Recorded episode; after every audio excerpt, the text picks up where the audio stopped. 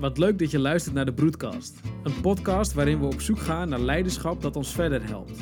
Wat doet deze tijd met mensen die met hun werk het verschil willen maken? Hoe krijgen zij een organisatie mee? Tussen nu en eind maart spreken we met ondernemers, kunstenaars, denkers en professionals. Ons doel? Een nieuw begrip van leiderschap en beter begrijpen wat er nu nodig is op het gebied van leiderschap om het verschil te kunnen maken. In deze zoektocht volgen we het ritme van de seizoenen. Nu de lente er bijna aankomt, gaat het dus over broeden op nieuwe ideeën. Elk kwartaal komen we daarna bij elkaar in een meetup genaamd Call Out, waarin we met onze gasten en jou als luisteraar graag het gesprek aangaan over leiderschap in deze tijd. Nou, we zijn vertrokken. Hi Aard. Hey Daan. Nou, we gaan beginnen hoor met onze allereerste podcast, de eerste versie van de Broeikast. Ja, mooi dat je het zo zegt. We waren al een tijdje mee bezig. En uh, ja, deze tijd heeft gewoon alles in een stroomversnelling gebracht. Hè? Dus we kunnen alles online, we kunnen samen podcast maken. Samenwerken op afstand is heel gewoon geworden. Ik heb jou de laatste maanden gewoon vaker gesproken dan ooit. Ja, vroeger moesten we altijd afspreken, maar nu doen we dat gewoon, uh, gewoon lekker online. En het is nog, nou, waar we achter, achter zijn gekomen, het is hartstikke vruchtbaar. Super mooi dat we elkaar gevonden hebben. En we hebben daar natuurlijk twee andere mensen ook bij gevonden. Dat zijn Coco en Marcel. En ik ga er even vanuit dat de mensen die nu luisteren binnenkort ook Coco en Marcel in de broeikast uh, gaan horen. Ja, gaan we, to- gaan we zeker doen. En uh, daar eindigt het niet. Hè. We, willen een hoop mensen om ons heen verzamelen en dat begint al heel mooi vorm te krijgen. En ja, we hebben gewoon een gedeelde fascinatie, dat vinden we ons op, een gedeelde fascinatie voor leiderschap. Ja. ja, en vooral omdat we volgens mij met deze vier mensen nu bedacht hebben, of niet bedacht hebben, eigenlijk geconstateerd hebben dat het leiderschap is heel erg aan het veranderen. Hè? Dus ja, op een of andere manier werken we er allemaal mee. Hè? Coco kunstenares, ik als coach, ja als organisatieveranderaar, Marcel dan weer ook weer als, als meer leadership executive coach. Um, ja, ik, nou weet je, dus we doen allerlei volgens mij dingen op onze eigen manier, maar het gaat altijd over leiderschap en persoonlijk leiderschap. Ja, en wat ik nou zo mooi vind is dat we echt op zoek zijn naar nieuwe betekenis ervan. Dus ik, ik zie het zelf gewoon in mijn dagelijks werken, dat persoonlijk leiderschap is altijd onderwerp van gesprek. En uh, waar wij tegenaan lopen met elkaar in onze gesprekken, dat we dat zien hoe gaat het nou vallen in dat collectief leiderschap. Hè? Dus we hebben gewoon last van die, uh, die oude formele structuren. We weten dat er veel te doen is. We weten dat mensen initiatief kunnen nemen. En, ja, is dat dan ook leiderschap? Nou, en de moeilijkheidsgraad zit er volgens mij ook in dat mensen hebben het er vaak over. Hè. In heel veel van die programma's die wij natuurlijk ook doen, hebben we het over.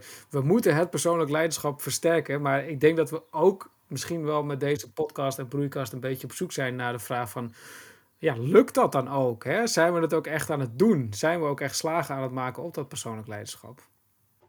Vandaar deze podcast. We gaan op zoek naar leiderschap in deze tijd. En dat doen we door mensen te spreken die echt het verschil willen maken. En dan gaan we natuurlijk ook een beetje op zoek naar, en is dat dan aan het lukken? Ja, vandaag is ons eerste gesprek met Jork Bruins van Volkoelie.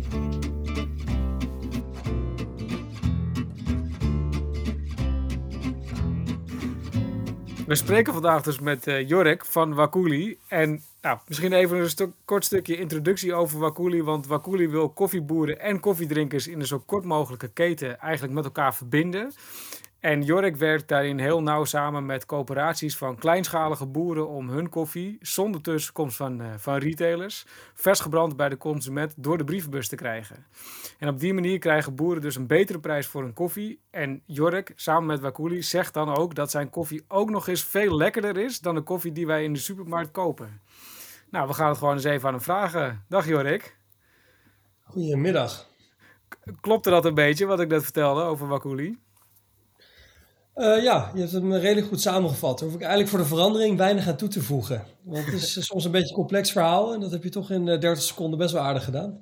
Hey Jork, hoe, gaat het nu met uh, Wakuli op dit moment? Um, het gaat goed. Um, vorig jaar was een, uh, nou we bestaan nu twee jaar. Vorig jaar was een jaar van enorme groei. En uh, we staan nu natuurlijk aan het begin van 2021. Um, en weer echt even vooruit mogen kijken al uh, afgelopen maand. Ehm, naar uh, wat we, waarom we nou ook weer zijn begonnen. En daar weer even terug naar gaan en de doelen weer stellen voor dit jaar. Dus we hebben er weer heel veel zin in. We zijn nog steeds aan het groeien. We zijn meer impact aan het maken. We zijn het ook meer duidelijk aan het maken. En we zijn nog steeds die verbinding aan het leggen, beide kanten in de keten op. Dus daarin mogen we niet klagen. Als je zegt, wil meer impact maken, wat is dat dan? Impact voor ons is uh, ervoor zorgen dat we niet meer uh, handelen in een neocoloniale manier, uh, waarbij koffie à la 1900 heel goedkoop of dan wel door slavenarbeid wordt ingekocht en aan de andere kant wordt verkocht en je een mediocre slecht kopje koffie drinkt. Impact voor ons betekent dat we aan alle kanten van de keten kunnen winnen door samen te werken en die keten te verkorten. En te zeggen dat als wij als consument bereid zijn om een heel klein beetje meer te betalen. En wij als Wakuli bereid zijn om een model op te zetten waarbij we niet heel veel meer hoeven te betalen als consument. En aan de andere kant die producent echt genoeg geld kunnen laten verdienen om ook nog in de toekomst te gaan boeren. Dan, uh, ja, dan is dat voor ons impact. mooi. En dat lukt ook in deze tijd? Ja, het mooie is dat... Uh, kijk, schepen gaan nog steeds uh, de wereld over, hè, verschepen nog steeds koffie. Uh, tegenwoordig zit de gemiddelde koffieboer, die heeft ook een uh, smartphone, die zit ook op WhatsApp, die connect op die manier met de consumenten, met onszelf. Ja, het is een uitdaging uh, om ervoor te zorgen dat we allemaal dat goede contact blijven houden, want wij bouwen echt ons bedrijf ook echt op relaties.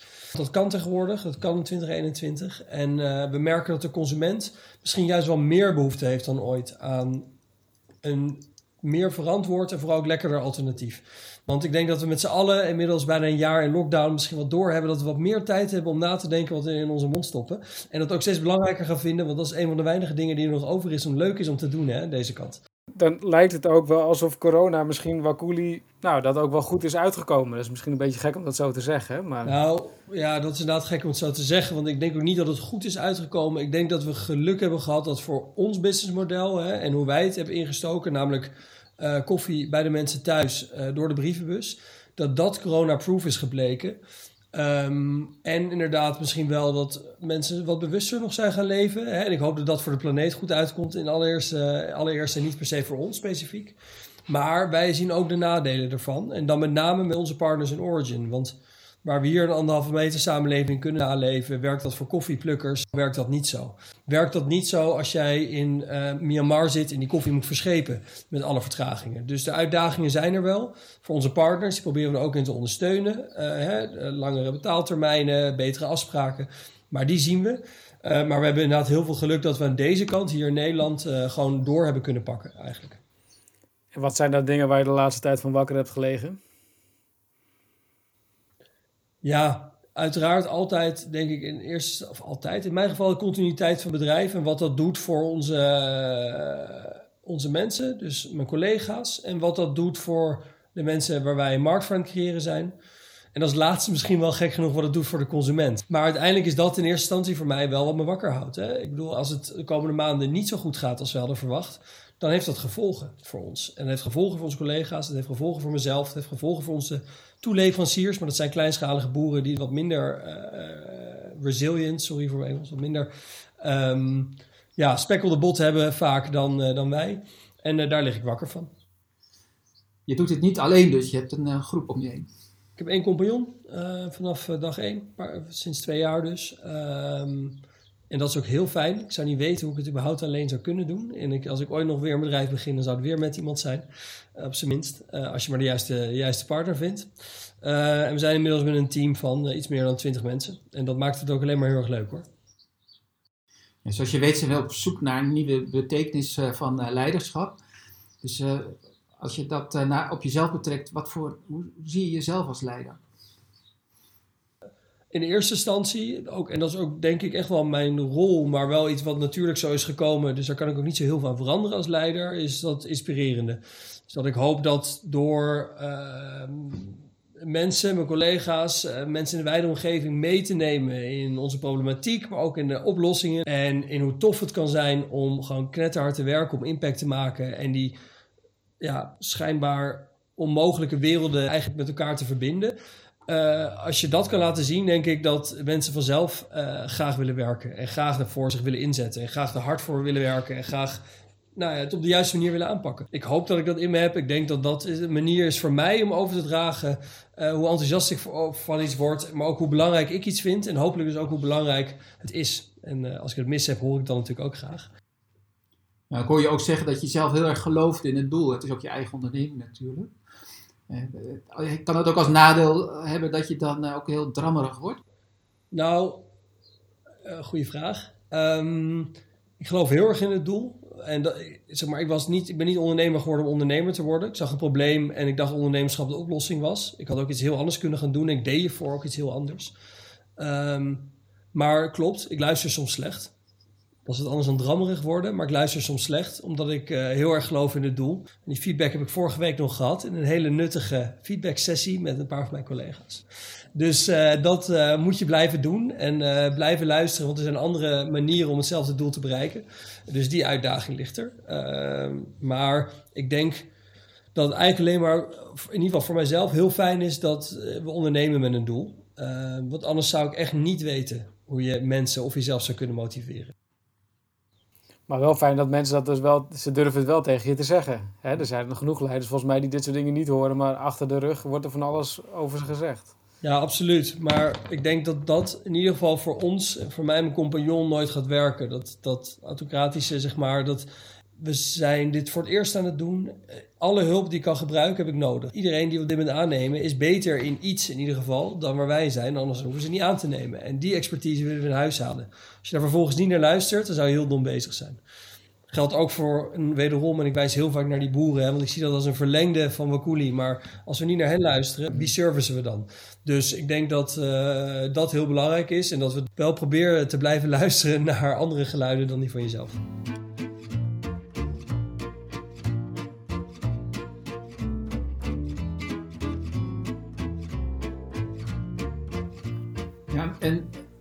Ga jij vooruit? Wat, waar luister je dan naar? Wat zijn de stemmetjes in je hoofd die, die zeggen: dit doe ik wel of dit doe ik niet? Continu, continu dat je iets hebt gehoord of iets hebt meegekregen, denk ik teruggaan naar waarom deden we ook weer wat we doen. En elke keer weer teruggaan naar die missie. En niet dat je alles op kan hangen aan een missie, want je doet concessies om bepaalde doelen te bereiken. Maar als je elke keer naar die missie gaat, dan ga je daarna, wat mij betreft, weer ook naar de doelen, lange termijn en korte termijn. En past dan wat je hebt gehoord en wat je zelf dacht, past dat binnen uh, uh, het doel en draagt het bij aan de missie of het doel wat we op dat moment hebben. En dat klinkt een beetje vaag, maar eigenlijk wordt het best wel praktisch daarvan. Want je haalt iets conceptueels of je haalt een idee van een andere, haal je uit de lucht. En je kijkt of dat bijdraagt aan. En als het daar bijdraagt, doen we het. Als er niet een bijdraagt, moeten we nog een keer een discussie over voeren. Je haalt het uit de lucht, zeg je. Dus... Ja, uit de lucht is een breed begrip. Ik haal het bij mijn collega's vandaan. Ik haal het bij een coach vandaan. Ik haal het bij mijn vrienden, familie, partner vandaan. Uh, dat komt uit meerdere hoeken. En dat is ook het leuke als je ondernemer wordt. Dan krijg je advies uit alle hoeken, bedoeld of onbedoeld. Want iedereen heeft in één keer een mening. En uh, je zei aan het begin ook nog even van ja, en als ik het dan niet meer weet, dan, dan kijk ik naar anderen. En dan zoek ik, dan zoek ik ook hulp. Je hebt ook al uh, gezegd over, over je partner, je co-founder, dat je die ook weet te betrekken in, uh, in dit soort gesprekken. Nou, wat voor mensen zoek je dan? Zeg maar, waar, waar zoek jij je hulp als je het zelf even niet meer weet? Ik denk mensen die over het algemeen anders denken dan ik in eerste instantie. Dat helpt een hoop. Want anders dan krijg je een, een spiegel voorgehouden. En uh, het enge daarvan is dat je dan altijd uh, volgens mij ziet wat je wil zien. Dus in dit geval mensen die op een andere manier misschien normaal gesproken redeneren of denken. En eigenlijk als klankbordbediener kunnen dienen. Het kan soms alleen maar zijn door gewoon drie vragen te stellen. Soms kan het zijn door uh, hem zelf opnieuw uit te leggen nadat ik heb het uitgelegd. We zijn van dag één zijn we niet schuw geweest. Uh, ook al dachten we, denk je begin dat je alles weet. Uh, om daarin ook de juiste expertise aan boord te halen. Dus ik, bedoel, ik heb een wekelijks coach. En die gewoon coach specifiek op een persoonlijke coach. Die specifiek coach ook op hoe ik me gedraag binnen het bedrijf en hoe, wat mijn doelen zijn. Want ik kan moeilijk naar boven kijken. Hè? We kijken, dat is het gekke. Je bent in één keer ben je zelf de, de werkgever en wordt er naar jou gekeken. Dus dan zoek je het ook ergens anders. Maar ook zeker mijn collega's, want die zijn vaak het beste klankbord, want die zitten er dicht op. Waar, zit je op te broeden op dit moment met Walkoen? Um,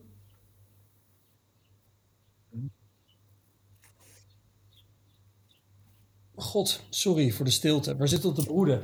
Um, ja, met Wakuli een aantal dingen. Um, maar ik denk ik met Wakuli, ehm, is hoe we de juiste, eh, in deze tijd, de juiste balans houden door ehm, het team op één te zetten en de mensen op één te zetten. Tegelijkertijd je doelen te behalen en dat met bijna iedereen op afstand.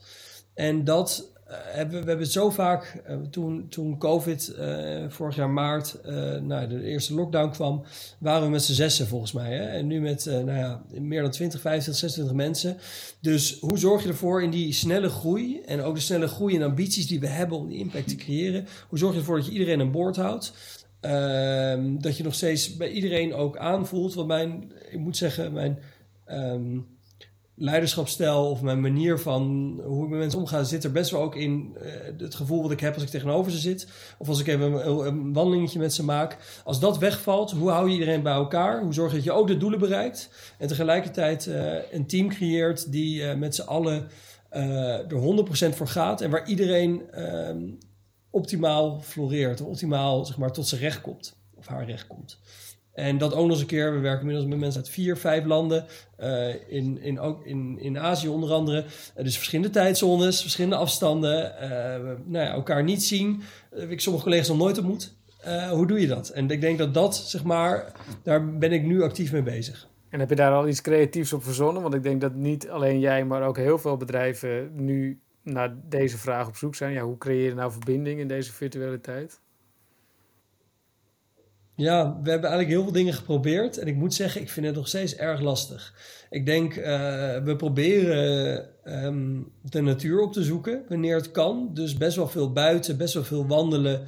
Uh, best wel veel met elkaar actief nog bezig zijn om, om dat te doen. In kleinere groepjes natuurlijk, hè, niet met z'n 26 en wordt nog steeds aangehouden. Trouwens, nu mag in vier ook niet, maar goed, in theorie. Um, en um, daarnaast denk ik ook zoveel mogelijk nog één op één het contact proberen te zoeken zonder dat je direct iets uit hoeft te halen. En dat is best wel lastig als je een hele volle agenda hebt. En als het heel druk is en er heel veel druk op staat. Maar juist dan even de tijd nemen om te zeggen: Oké, ik ga nu um, één moment uh, bij elke collega één voor één langs om wel het kerstpakket langs te brengen. Of ik ga wel, ik, ik app op maandagochtend even, zullen heel veel koffie drinken samen in plaats van zullen dat gaan bespreken. En dat lijkt best wel logisch, maar ik merk gewoon dat de praktisch gezien dat je daar echt energie in moet steken om dat er ook uit te halen. Want anders dan blijft het heel erg technisch over werk gaan. Denk je dat je wat je nu doet ook gaat meenemen in de tijd na de lockdowns? Absoluut. In de zin dat ik hoop wel dat we weer een soort van meer creatieve plek hebben waar we met z'n allen of met bepaalde teams samen kunnen komen. Maar meer dat het een meer praktische, eh, dat, zeg maar, wat we nu hebben aan hub, meer een praktische ruimte wordt voor die connectie. Um, maar daarnaast dat we dat zeker gaan meenemen. Ja, ook, ook in werkstijl, maar dan met name de fijne dingen ervan. Dus dat mensen niet meer uh, lang in de file staan of met OV hoeven en hun tijd meer kunnen besteden uh, waar die het nuttigste is. En, en zelf die keuze hebben. Want ja, uitzonderingen daar gelaten. Maar denk niet meer van deze tijd dat wij iemand beslissen om altijd ergens te zijn. Nee, je moet werken waar je het best tot je recht komt. Ja, tof. Ja, ja. En, en wat zien we dit najaar van Welkoeli? Um, ik denk dat uh, als je nu eind 2021 voor je hebt, dat in ieder geval uh, iedereen die iets, nou laat ik het zo zeggen, in Nederland die denkt aan een duurzame oplossing die ook nog eens beter smaakt. Dat, ze, dat zou Makuli denken. En dat, uh, dat zijn dan niet meer hopelijk 50 of 100.000 consumenten, maar een miljoen. Niet dat ze het allemaal drinken, maar dat ze wel in ieder geval weten waar we te vinden zijn. En dat ze weten dat er een probleem is. Um, en daarnaast hebben we wel echt de ambitie om met het team de landsgrenzen over te gaan. Want ook de afzet en de impact die we in Nederland kunnen creëren, daar houdt het niet op. Dus ehm, ja, Duitsland en België zijn wel ook stappen die we absoluut willen gaan nemen.